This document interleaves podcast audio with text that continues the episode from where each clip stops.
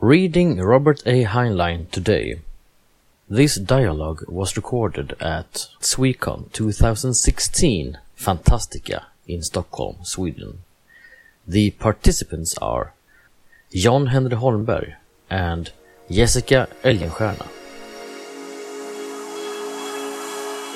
Swecon-poddar.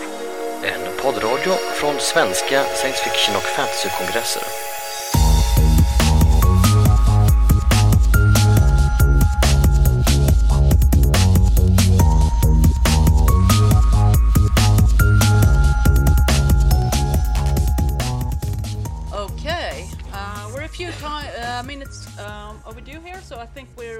Start. Um, first of all, I want to apologize because some of you people might have read the first version of the program, uh, and it said Robert A. Heinlein interview. Uh, if you come for that, uh, I'm sad to say we, we haven't managed. If you've read some of its books, Stranger in a Strange Land, you, you could think there was some kind of spirit or something we could interview, but no, sadly, we, we didn't reach through. So you have to put up with us. The, um, my name is Jessica Elgenstierna, and this is John Henry Holmberg, and uh, we're going to have, I think, um, more. I'm going to moderate, it says, but I'm not go- just going to moderate John Henry. I, I'm actually going to do a bit of talking myself. We're going to have a conversation about uh, Robert A. Heinlein, not so much about his life. Um, if you're very interested in that, there's a huge biography about him you could read. Uh, but we're going to talk about his books and uh, mostly about why we love them so much, uh, because this is sort of a fan panel. Uh, if you're a hater, um, well, you, you, you might get a bit annoyed. We are going to talk a little bit about uh, the bad sides of Heinlein, about a book that I thought was so terrible that I cried. It made me cry because it was so bad. Uh, we're going to talk a little bit about it uh, fairly early, and then we're going to finish on a positive note. Sounds good. Yeah. Also, the biography of, of Heinlein is flawed because it's written with the, the, cooperation of his wife while she was still alive, who um, uh, made, I think, the, the sad mistake of trying to have him portrayed as an uh, infallible person. Uh, so the second volume is better than the first because she had died by the time the second volume was published, and so some of the stuff which she had refused to let them have in the book is now in an appendix to the second volume. Um, but there will be more biographies of Heinlein, I'm pretty sure, which maybe probably will be better and, and more critical as well as perhaps making him more more human. So uh, we'll start um, talking a little bit about our own readership of Heinlein, and um, this is a bit embarrassing. You know, uh, if you're a science fiction fan, you're supposed to have re- read everything, I guess, or you used to be supposed to have read uh, all the giants very much. I read, I liked Asimov a lot. I read some a bit of Clarke. I, I probably read some Heinlein when I was very young, but I didn't remember anything of it.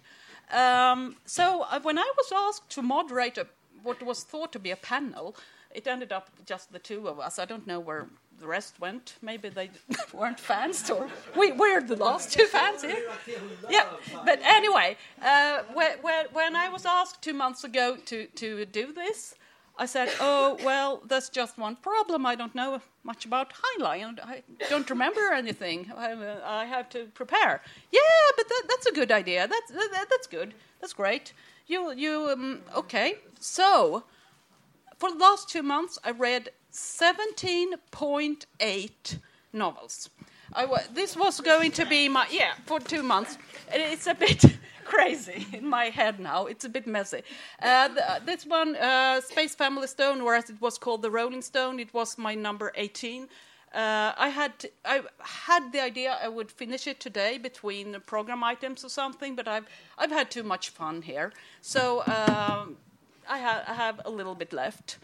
Um, but I had so much fun And I've been doing it during, uh, under the guidance of John Henry. He sent me a list with double plus for the ones I had to read and uh, uh, little points for things of historical interest and nothing for those that I really didn't need to bother about and little comments and everything. And he guided me through it, so I mostly read uh, his older books, very good books.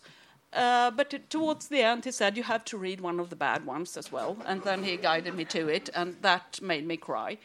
Uh, but that's my story about Heinlein. So my story is very short, and it's a bit strange to be 48 years old and falling in love with Heinlein.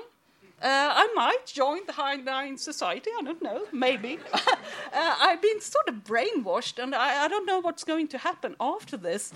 After my Heinlein project is over, um, what's after it? It's just empty. The future seems strange.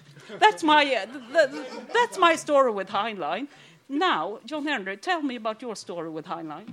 Yeah, well, um, many people have pointed out that. Um, to those of us who are readers, uh, there is a defining moment sometime in childhood. Um, I think mine was when I was about seven, um, when you realize that you actually are a reader. Um, you have read a number of books, and suddenly you, you, it comes to you that reading books is more fun and gives you more satisfaction in some fashion than doing anything else. And this is when you define yourself, I believe, as a reader. I think this is a fairly common experience to many. Um, the second, uh, I've always thought, defining moment is when you realize that there are actually different names on the covers of different books. and that some of them you remember better than the other ones, and so you start looking for those names. And at some point, you'll be able to tell yourself this is my favorite writer. Uh, they are different. They're, some are, all are good, but some are better, and some are very much better. You can read them three times in a running if you're seven years old or eight. um, and to me, Robert Heinlein actually was my first favorite writer. Uh, I think this happened when I was about eight or nine. Um, course, the third moment, I'll mention that to have it out of the way, is uh, the first time you read a book and you say, This was a bad book. This is when your worldview sort of partly crushes. Uh, to me, this happened when I was nine. I read a book called uh, by Dennis Wheatley called in Swedish Prisoners on Mars. I think it's called Red Omen uh, in English. That was the first really bad book I read, and after that, it's never been quite the same because you're always afraid that the next one might be a bad one. uh, now, uh, as to Heinlein, I started reading science fiction at about six, the Swedish children's book, uh, and that struck me as phenomenally good. Of course, it was maybe not the first book I ever read, but one of the first few. Um, so I started going through the library in the part of town where I lived, um, reading everything with space in its title, um, then rockets in its title, uh, and you know, going from there. Uh, and by this time, there had already been published in Swedish, um, I think, three, four, five novels or books by Heinlein. Um, so by the age of seven or eight, I had definitely read The Man Who Sold the Moon, uh, the not terribly good uh, second column, um, sixth. sixth column, sorry. Um, I had read um, uh, Space Cadet, I had read uh, Farmer in the Sky. I had read um, Starman Jones in a which I discovered much later, a, a, a translation shortened by about 40%.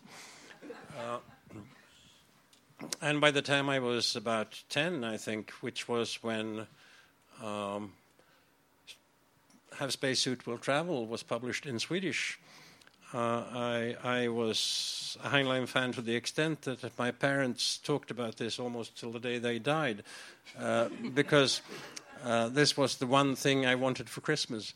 And of course, they gave me many, quite many, many different things for Christmas, but when the presents were to be given out in the family, I sort of poured through them to find the one which had the correct size and thickness for that particular book. And so I opened that one and went to my room and read it before I bothered with the other presents. Uh, that's dedication. Yes. Well, no, that's that's you know being a very young reader with a favorite author. Use the mics, please.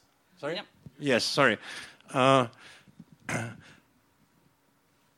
after that, uh, I came into my teens and I started reading Heinlein. Uh, actually, I can even um, even add to this uh, another bizarre notion.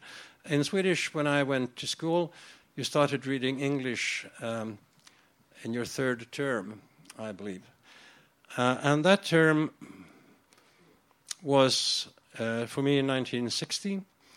Um, and having read English at school for about three months, I think, I found in the bookshop close to my school uh, a British paperback four square edition of Starship Troopers, uh, which I realized was a Heinlein novel that had not been translated. So I bought that for my for two weeks allowance money, um, and started reading Heinlein after having had three months of English at school.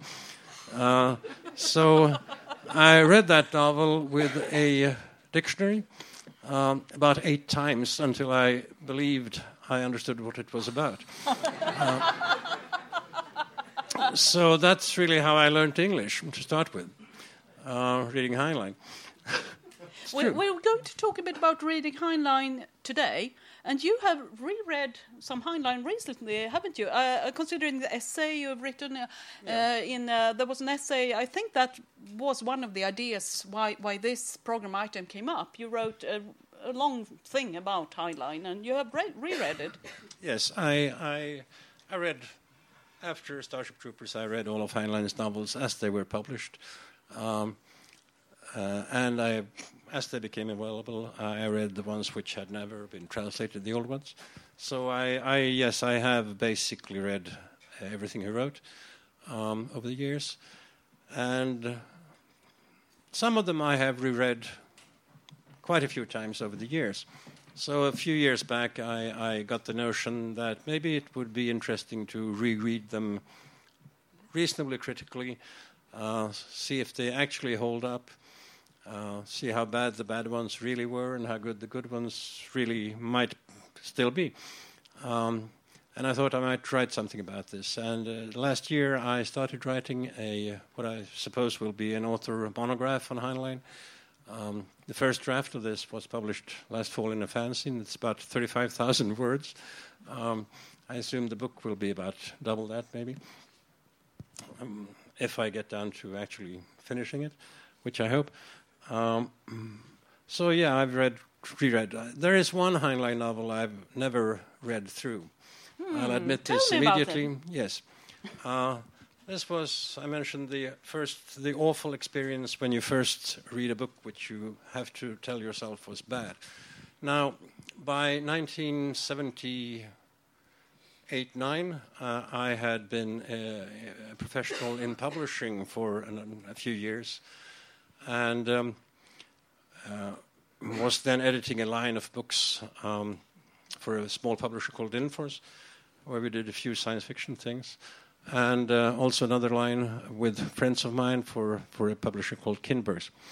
And uh, I had suddenly one morning uh, in the mail at the place where I was working, which was not a publishing house.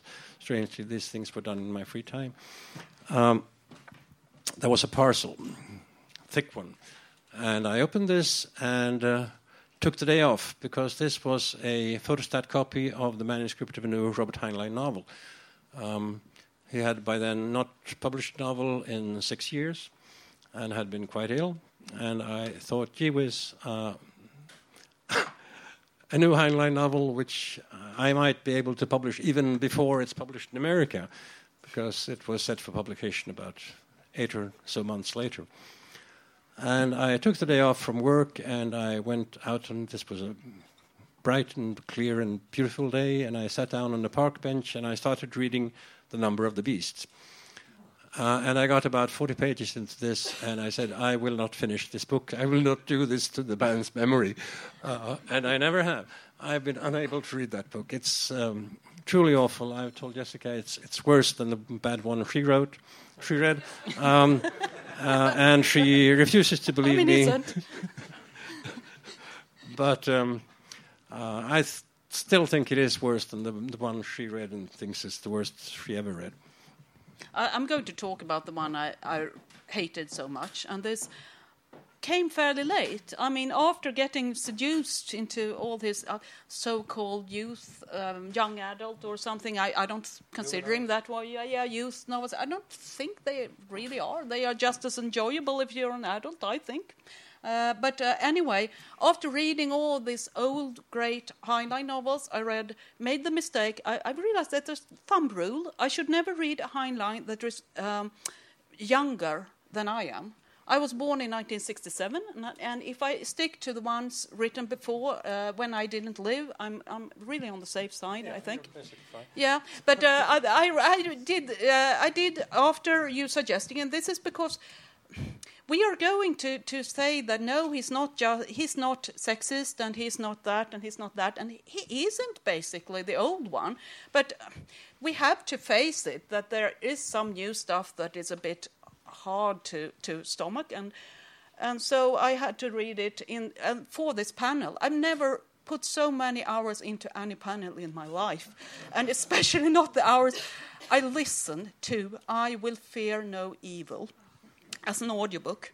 And I, I, I speeded up to 1.25 and for a while, a while even 1.5 the speed. But oh my God, it's, it's uh, really miserable because w- what I find so hard with the, with the newer Heinlein books, uh, which also is in Friday, which is a much better book uh, according to John Henry. I think it, it is. It is a better book, but it's got the same the same problem with it is all those. Um, I tried to find an English word for gubbsjuk uh, before this panel because I. I uh, but uh, there, obviously there isn't such a book. Uh, Google Translate may say lecherous, but it's liderlig. It's it's not the same value. Gubbsjuk, old man sick. It said, but the, well, well, you know, it's old man's fantasies about girls. It's like soft porn. It's like Playboy things, uh, girls around the pool. It was pretty horrendous.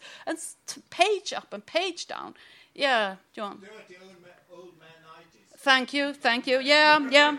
But it, it was, um, it was, and it was so boring. I mean, have have you read it?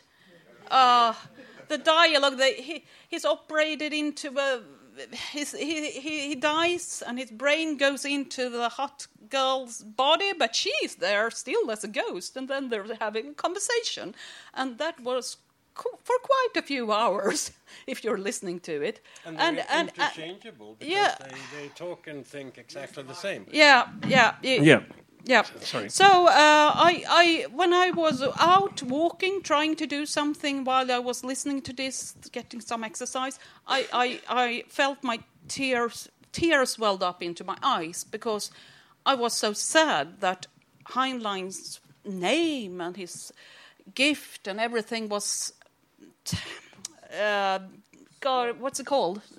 Yeah, this way. It's it's. Uh, oh, should I stopped earlier. And the, the, the, the, but so, yes, there is an element of that. And I talked to someone who said, Oh, I, uh, she couldn't be here, uh, but she had wanted to listen to the panel, uh, this panel. She said, "Well, I only read one Heinlein book, and I hated it so much." Okay, I said, "Which one did you read?" And she said she read Friday, and Friday is better than I Will Fear No Evil, but it's also a late one, and it's not. If you're only going to read one Heinlein book and then you read that, I think it's so sad. But we're going to talk about the good ones later. Yeah. You can comment also on the on the bad Heinlein. Someone people call the senile Heinlein, but I don't. Is that true? Senile, uh, um, I don't know. It's, senile is probably the wrong word for it.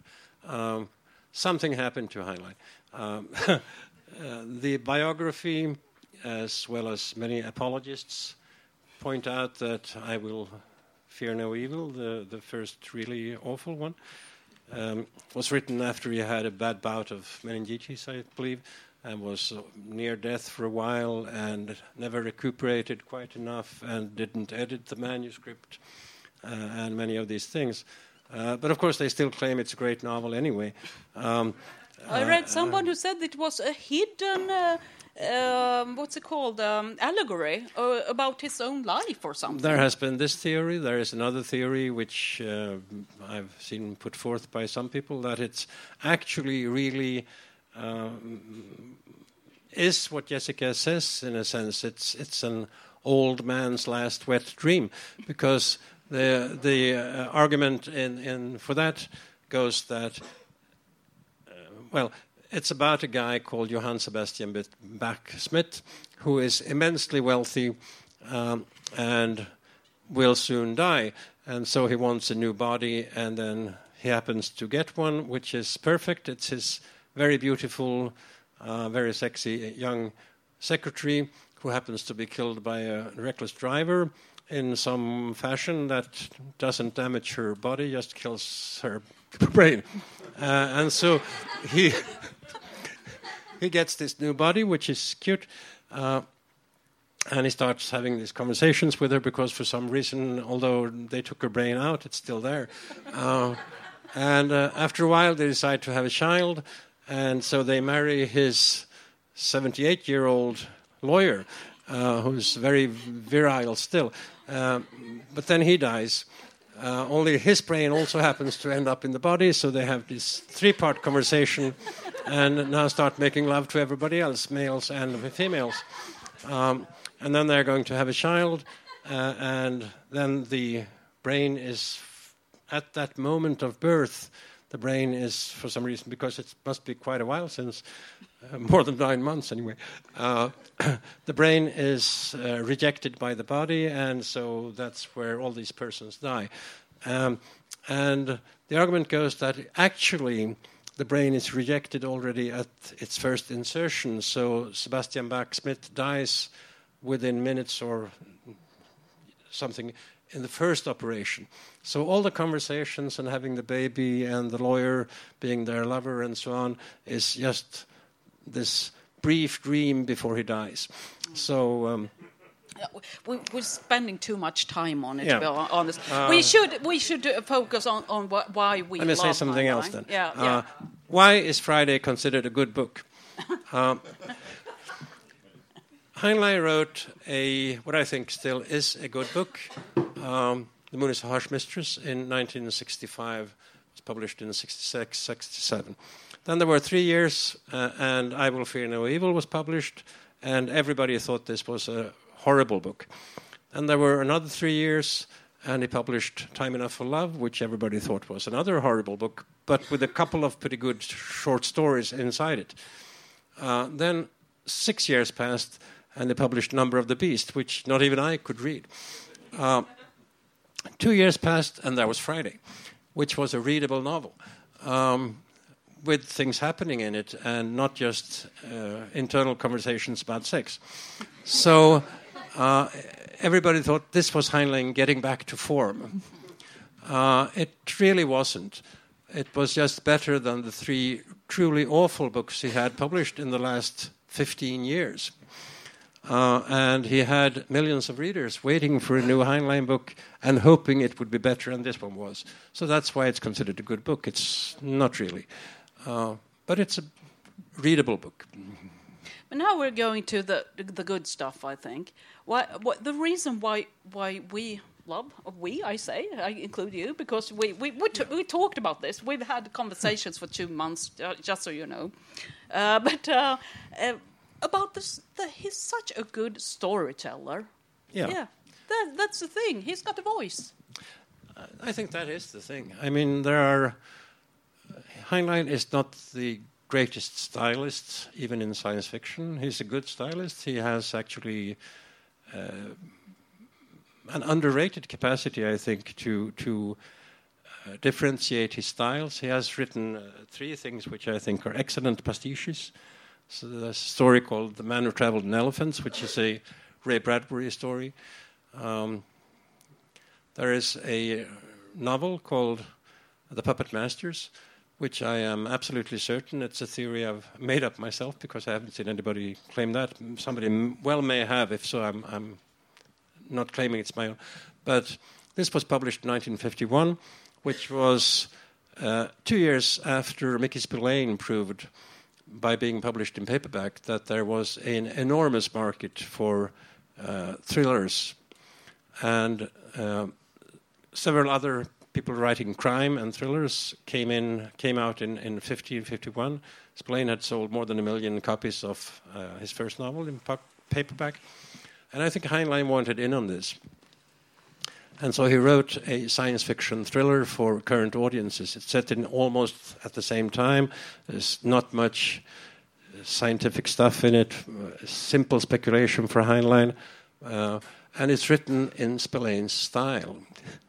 Uh, it's a typical, very early 1950s thriller, which he never wrote another one of because it didn't work. It only sold science fiction readers anyway. Um, but he could do style. Um, he could do many other things, but I think what Jessica said is the important thing. He is a born storyteller, and he has a storytelling voice which is very much his own.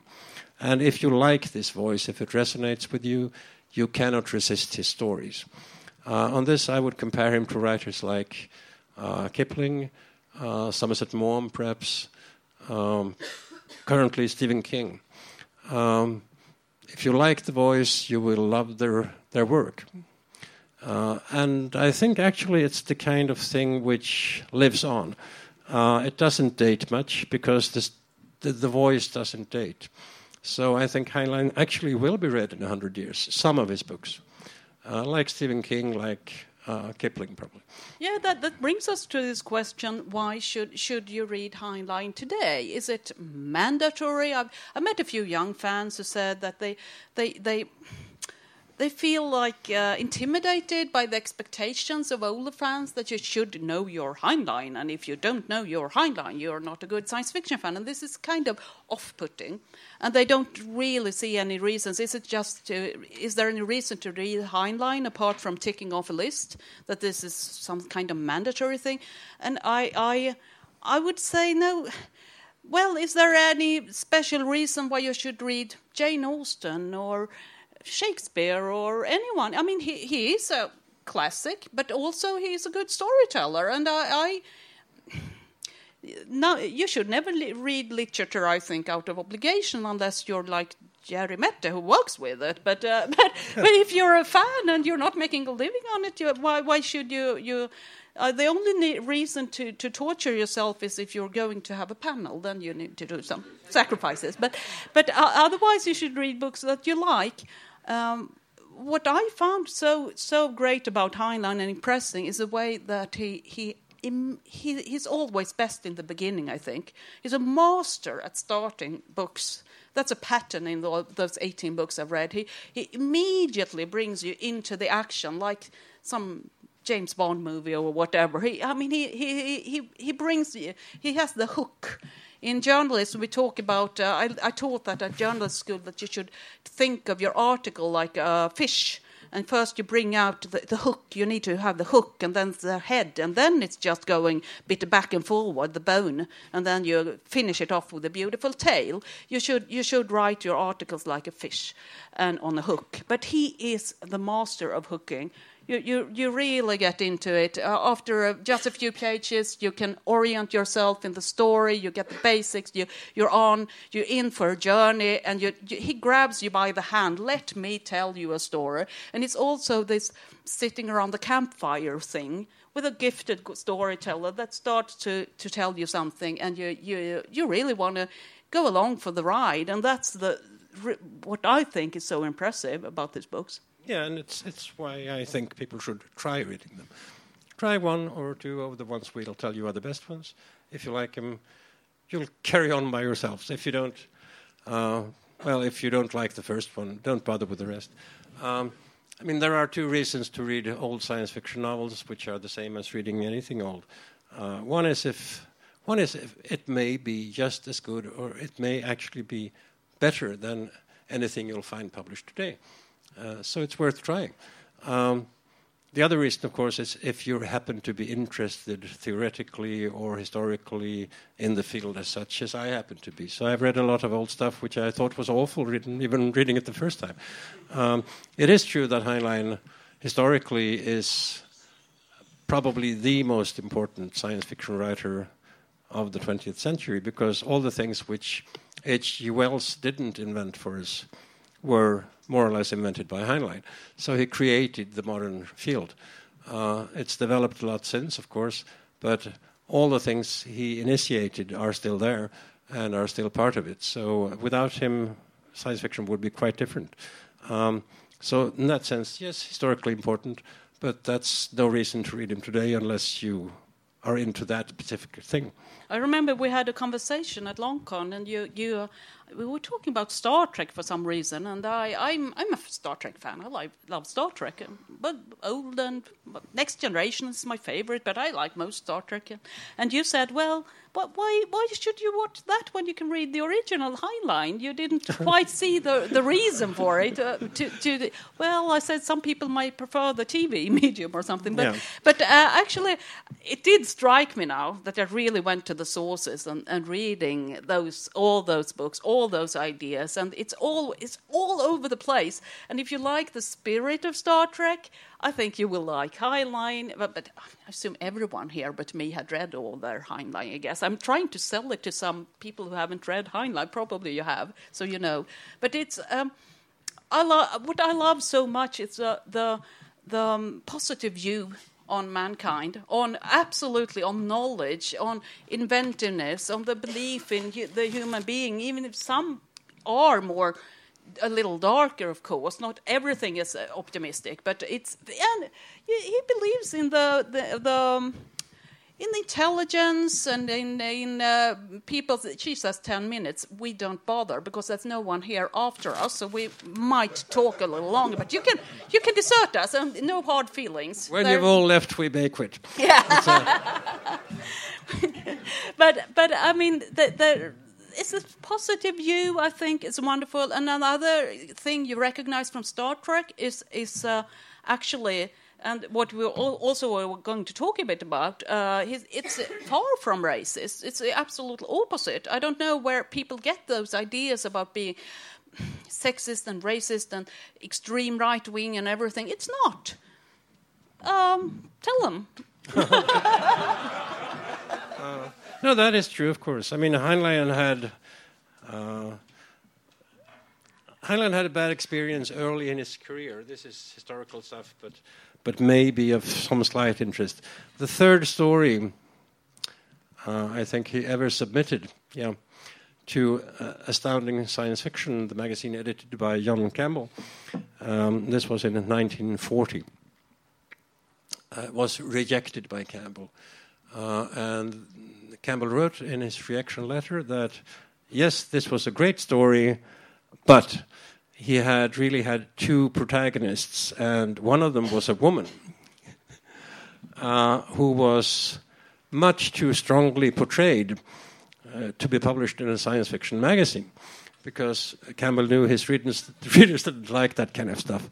So he should stop doing that kind of thing with women uh, and keep to the males. And uh, Heinlein wrote to support himself and his wife, uh, so he did stop doing that stuff for a number of years. Uh, however, that particular story was published in a, a second rate magazine paying less than astounding, uh, and it's the one called Let There Be Light about the invention of um, free light, basically, free electricity from air. Uh, and there are two scientists doing this. One is a woman. Um, and he didn't get back to women much until after the war. So there were six years when Heinlein probably would have done more things new to science fiction, but Campbell told him they wouldn't sell. Um, when he got back after the war, uh, one of the early stories he published was a one called Delilah and the Space Rigger, uh, which was about building the first space station. And uh, uh one of the expert workers uh, quits. They are there for a particular length of time, and his replacement is sent up and turns out to be a woman. Uh, and of course, the management thinks this is, will be a disaster because everybody else on the space station are males, and women can't do that kind of work anyway. And it will disrupt everything, and people will stop working. And so it's about how she actually gets to keep her job and make management ask their main office on Earth to provide more women workers. Um, this was published in uh, written, I believe, in 1947, and published. Well, it was reacted by several magazines, um, but uh, published in 1949, finally, um, after a couple of years these were revolutionary ideas in science fiction at the time. Um, but he uh, went on, and actually, uh, the most dramatic things he did, he did in his juveniles, um, which were not prone to the various uh, notions of science fiction editors of the people who read science fiction. His juveniles were published by Scribner's, a huge uh, juvenile publisher with enormous library sales, but their editor was not a science fiction person in any sense. Uh, so she had the normal prejudices of juvenile book editors. That is, there could be no sex between the protagonist and any other character in the novel, although sex might be mentioned in the background with among other people uh, and things like this. But he was allowed to do a number of things he probably couldn't have done in the science fiction magazines. Um, in his second, I think, uh, juvenile Space Cadet, um, this is about a, an organization to save us from ourselves. Basically, the Earth has been united with a kind of uh, United Nations kind of organization, which has set up a space guard which controls atomic bombs in constant orbit around the world. And if any nation on Earth starts a war against any other, their mission is to stop them, and if worst comes to worst, to bomb them out of existence. This is to ensure peace on Earth. So yes, there is often a darker side, even to the juveniles, although it's it's written as a as an adventure story about three young boys joining this guard. Uh, but half of the novel is also set on Venus, which it turns out uh, is a matriarchal society. Um, not common in science fiction at the time, but there are no women among the cadets in that book. Um, however, uh, a couple of years later, um, in uh, the Rolling Stones. Mm. You can talk about that. Yeah, uh, grandmother. They are going. They are like um, what's it called? The Stone uh, family. Yeah, yeah, they are called the Stone. But I mean, it's like Stone. yeah, it's a family called Stone. But you know, um, they, they're going out into space. It's a, a sitcom thing but in space. But the grandmother in the family, she's a genius, and she's uh, she used to be an engineer, uh, but uh, she wasn't accepted in the army or military or something. So she had to get by uh, working at the casino instead. But actually, she's the smartest one in the in the party, and she's uh, she's great. She she she is far from uh, oppressed or anything. and I mean the same thing. You, we we won't talk that much, I think, about. Um, Starship Troopers, but but uh, the the women there they are uh, they are the best ones. They are captains. They are, they, they are um, flying, doing the they are the pilots. Spaceship Spa- pilots, yes. Spaceship pilots, and very highly regarded. Not like the simple footmen that men are. Even long before um, that one, actually, he wrote another juvenile called Tunnel in the Sky, which is quite interesting. It's, uh, it's about a guy called Rod Walker who um, is going to um, take his college exam uh, as uh, an explorer, somebody who re- leads uh, human colonists to alien worlds uh, through a through a kind of matter transmitter port. Uh, now, to get his exam, he and his classmates will have to be dropped on an alien planet uh, and su- survive uh, on their own for about a week. Now, the person who convinces him to do this is his sister. Um, his sister is um, uh, Helen Walker, who is an assault captain in the Corps of Amazons. It's an interplanetary military organization uh, with entire women corpses. Uh, so there you have a professional fighting woman Yeah. in, in a Heinlein juvenile novel from 1950. Th- there is a downer in that one. I, I Yeah. would would have to say because She quits to marry. she quits to marry. E- and eventually, and this is a sort of a hang up um, with Heinlein uh, that he, he is kind of obsessed with women having children. And that uh, having children is the absolutely finest thing you can do in, in life. And it's a meaning of life. And it's the privilege of women, in his view. Yeah. And I, I talked to, what's it called? Uh, uh, this fan, Mulli- Mulligan. Um, ah, she's writing book about Heinlein. Sorry, Yeah, Mental. Farah Mendlesohn. I talked to her about it. Uh, I met her at the Worldcon staff meeting, and uh, she said she said that, uh, and she says in her. I've read two chapters in the book, and she said that this obsession might have to do with the, the his sorrow and hi- his personal life that he never got any children of his own, and because um, he was uh, infertile and stuff. It, it can be very personal matters that he got this hang up about having children and he brings it into lots and lots and lots of books that you, you see it all the time and that is a bit downer because the women are there going all the way up. Like in Podkayne Mars she's a great young ambitious woman ambitious girl who wants to become a pilot and then sadly she becomes obsessed with uh, babies Yeah. anyway because Um, it's a destiny or whatever. But Farah likes uh, psychological explanations. Uh, um, Pamela Sargent uh, talked about this many, many years ago uh, because she, uh, Pamela, of course, was one of the early important feminists in science fiction. And uh, and Pamela uh, said that she was unfortunately unable to fault Heinlein for this, although he should be faulted because because uh, her conviction was that this was actually a basic part of his call it moral philosophy. Um, what Heinlein says throughout his books, I believe, I think she's absolutely right on that, is that mankind is worth preserving. Uh, we should survive. To do this uh, in a hostile or, if not hostile, then, then indifferent universe, um, he said, the Earth is a much too small basket to put our, all our eggs into.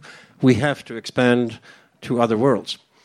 Uh, but first of all, we have to simply survive, and so we have to have children because they are the next generation of mankind. And if it's to, to be kept alive, they have to be there. Now, only women can have children. And having children is the primary, the most important uh, thing to do for mankind to survive. So, for this reason, having them uh, is the most important thing for humans to do. And if, as only women can do it, uh, it's their prerogative and also great, well, I don't know, defining characteristic to be the, the, the, the, those of us who actually make us survive. Uh, this makes, if you look at it in a general way, of course, it does make sense. Uh, on an individual basis, uh, there are a hell of a lot of children so far as we st- haven't started colonizing other worlds yet. So, if a number of women perhaps choose to be, be superior doctors or physicists, it won't really harm our survival chances in the long run, but it might do a lot for them in the short run. Uh, so it's perhaps not always the imperative choice for every woman all the time. Uh, but presumably, at least Pamela believed that he wanted always to point this out. And so have women who are often superior to men in their professions and intellectually and have greater moral strength and fiber and are better fighters, but they still choose to have children first because that way he's showing us that this is the correct moral choice. And Pamela Sargent said that she actually believed him to think this way. He believed this. Um, and she couldn't say he was wrong believing it, but unfortunately, of course, to the reader, his women in the end turn out much the same as the women in the stories written by all the guys who don't believe they could be superior engineers or physicists. Um, and that's the sad thing about it. I think we, we, we have promised. I, am looking at this uh, this cheating cheat thing that they, they said that um, we should uh, uh, point people. If you've never read Heinlein, if there is someone by, by chance who hasn't, uh, where is the best place to start? We should talk about. I thought we could pick three favorites or something, sure. not to be missed. Yes, sure. We can take turns. You one, her. Oh, for adult novels, double star, I'd say.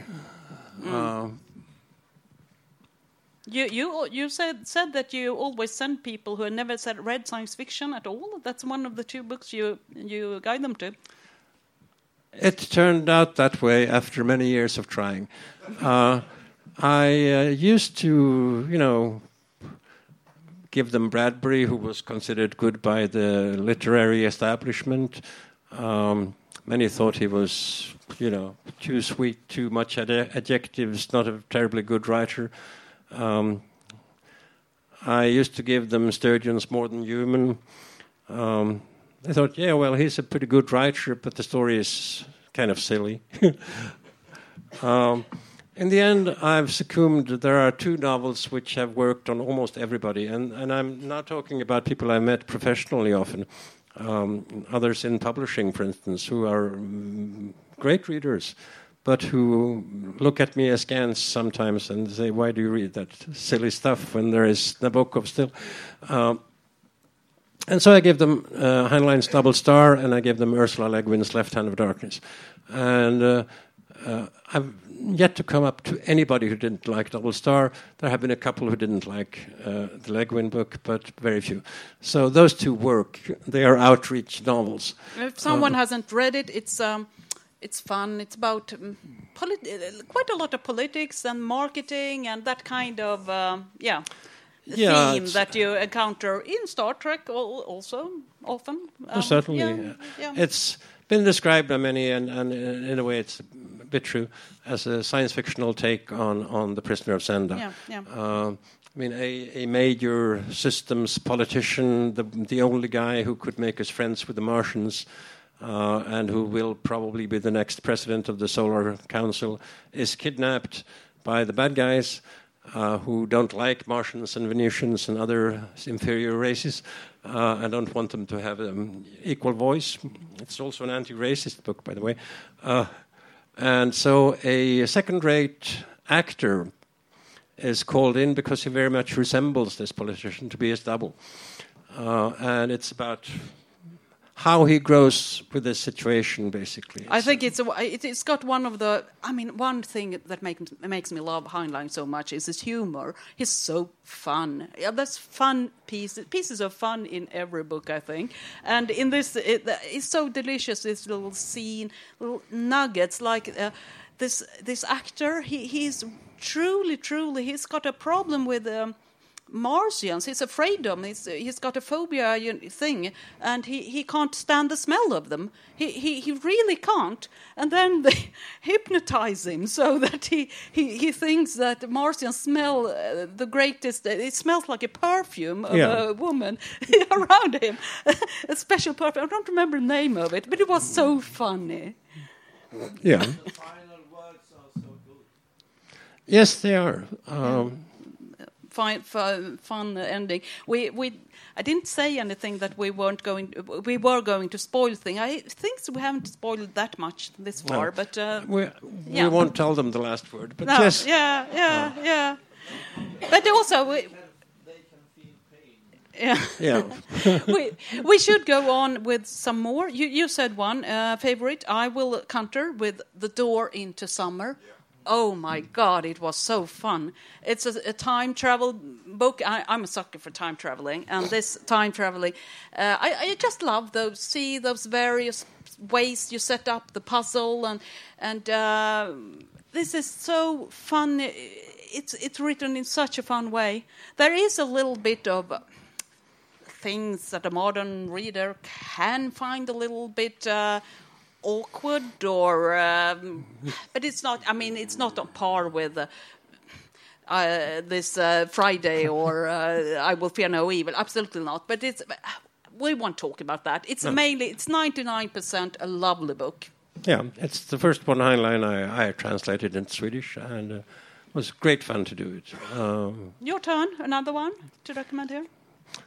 I'll mention one thing about translating yeah. the book. I wrote heinlein about that uh, because, of course, the book was written, published in 1957, and in Sweden it was published about 20 years later.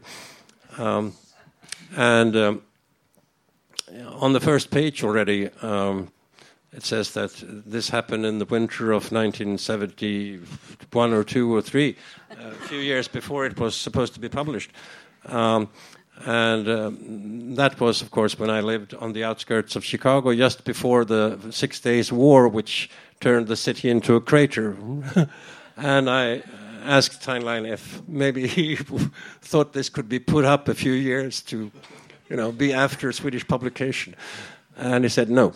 Um, he said um, he said it's still selling um, 75,000 copies every year in America, and Chicago is still here. Uh, so people will either like it because of what it is, or they'll you know, stop reading it at the first sentence, and that's their prerogative. So, uh, so he was not one of the science fiction writers who changed things around in later editions to make them not dated. Whereas, for instance, Wilson Tucker changed his books for as long as he lived to undate them. Um, a second book. Um,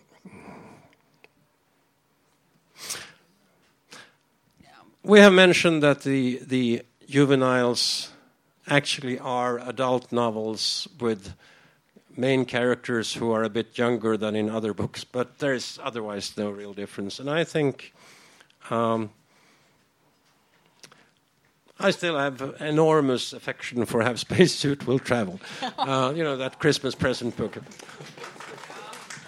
Um, so I will put that in as a second book. It's. Um, it's an absurd book because it's a closed circle. It basically ends on the action ends on the same day it starts, and in the meantime, everything has happened. Uh, it's a tour de force in a sense. It's also a, a, a hysterically absurd space opera, uh, the most Autry one he ever wrote. So um, it has all of it. It's also a book which was censored in Swedish when translated. Uh, two things changed. Uh, one is when the hero is uh, uh a prisoner by alien bandits on Pluto, And with him are the two humans who have collaborated with these aliens to kidnap him and the girl, uh, who are the protagonists. And it turns out the aliens are actually eating humans. And so these two crooks disappear from the prison hold, and the hero surmises that uh, they have been turned into worm face soup. Uh, and so for a while he feels sad for them. And then he has a, an argument with himself, internal. It's about a half page long, where he says, Should I really feel sad for these people? Or should I, you know, save my sadness for the people they have betrayed and kidnapped and so on? And he decides that no, it's the victims you have to feel for, not the perpetrators. And this half page was stricken out entirely in the Swedish edition. Uh, the other censoring in the Swedish edition is just a sentence. And that's quite early in the book when the hero uh, talks to the guy managing a shop he works for part time after school. And he says, uh, A customer has been extremely nasty to him and talked down to him and so on. And he says, um, "Well, I would have liked to say something, but uh, you shouldn't do that." And and the owner of the shop says that one, you should always remember that the amount of deference an adult demands from somebody else is generally uh, in exact, exact opposite measure to what he deserves. but he got that into a juvenile in 1956, and I think that's great. Hmm.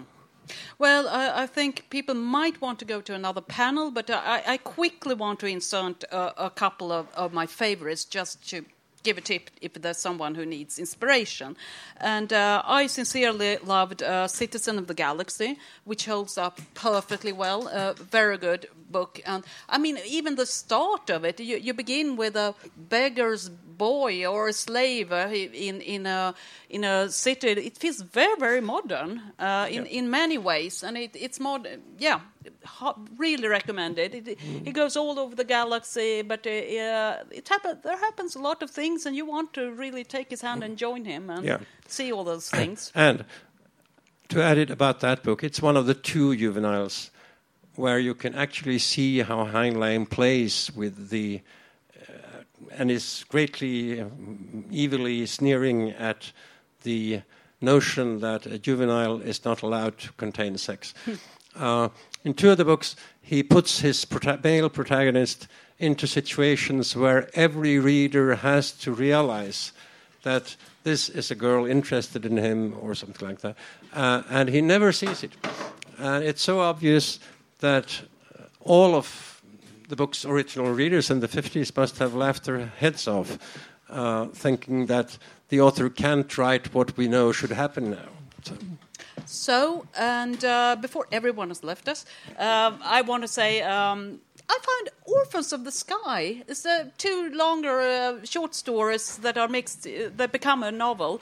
I, I, I really enjoy that. It's a generationship thing that has become um, thousands of years into time, and it's it's gone uh, completely wacko. And yeah. I, I, think the mood in it and uh, the the world it builds is uh, it really holds up still today. Uh, although the ending is very disappointing, but apart from that, it's a great book. Yeah, okay. I'll do final title, then I'll have had three too.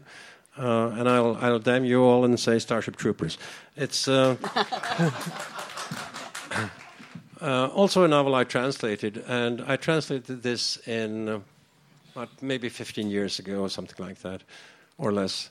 And it I hadn't reread that since the 60s, and it was as a as a novel, as a work of literary expertise and perfection it was so much better than I had remembered or could have imagined. It's really an, a fabulously well constructed book. Uh, now you can think whatever you feel about the arguments in it. It makes lots of arguments, uh, but as a novel, it works perfectly. I I, I, agree. There um, there was one thing that we discussed a bit in it about body uh, corporal punishment that I find kind of uncomfortable with uh, the view on how to raise children and so on. But apart from that, I think it's uh, it's very enjoyable, very interesting to read. And uh, when I watched later on, also for this panel, I watched the movie. and uh, uh, it was so depressing. It's made by someone who truly, truly hates Heinlein. Yeah, and why well- do you make a movie if you hate it? He didn't even read the book, and it's so, it's so depressing and, uh, oh, yeah. Yeah. I, I, I'm, I can't say anything. I'm speechless, actually. so, but perhaps that's a, a good place to, to stop this, uh, end this panel when you're speechless. Probably we've kept that up for, well, Yeah. it's only about 20 minutes too long. Only. But uh, if you want to talk about, to us about Heinlein after this panel, you're more than welcome. I, I've been co- talking about Heinlein the entire convention and, and torturing everyone I know about it, and I'll keep doing it for a while And until we have a new project. Yeah, and we didn't get any of the important stuff in, of course. Yeah, Yeah. that's it. Thank you.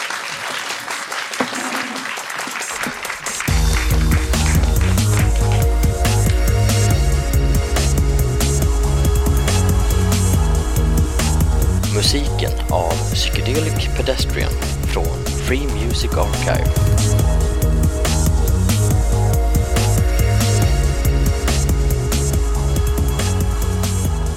Besök gärna vår hemsida på svekonpoddar.se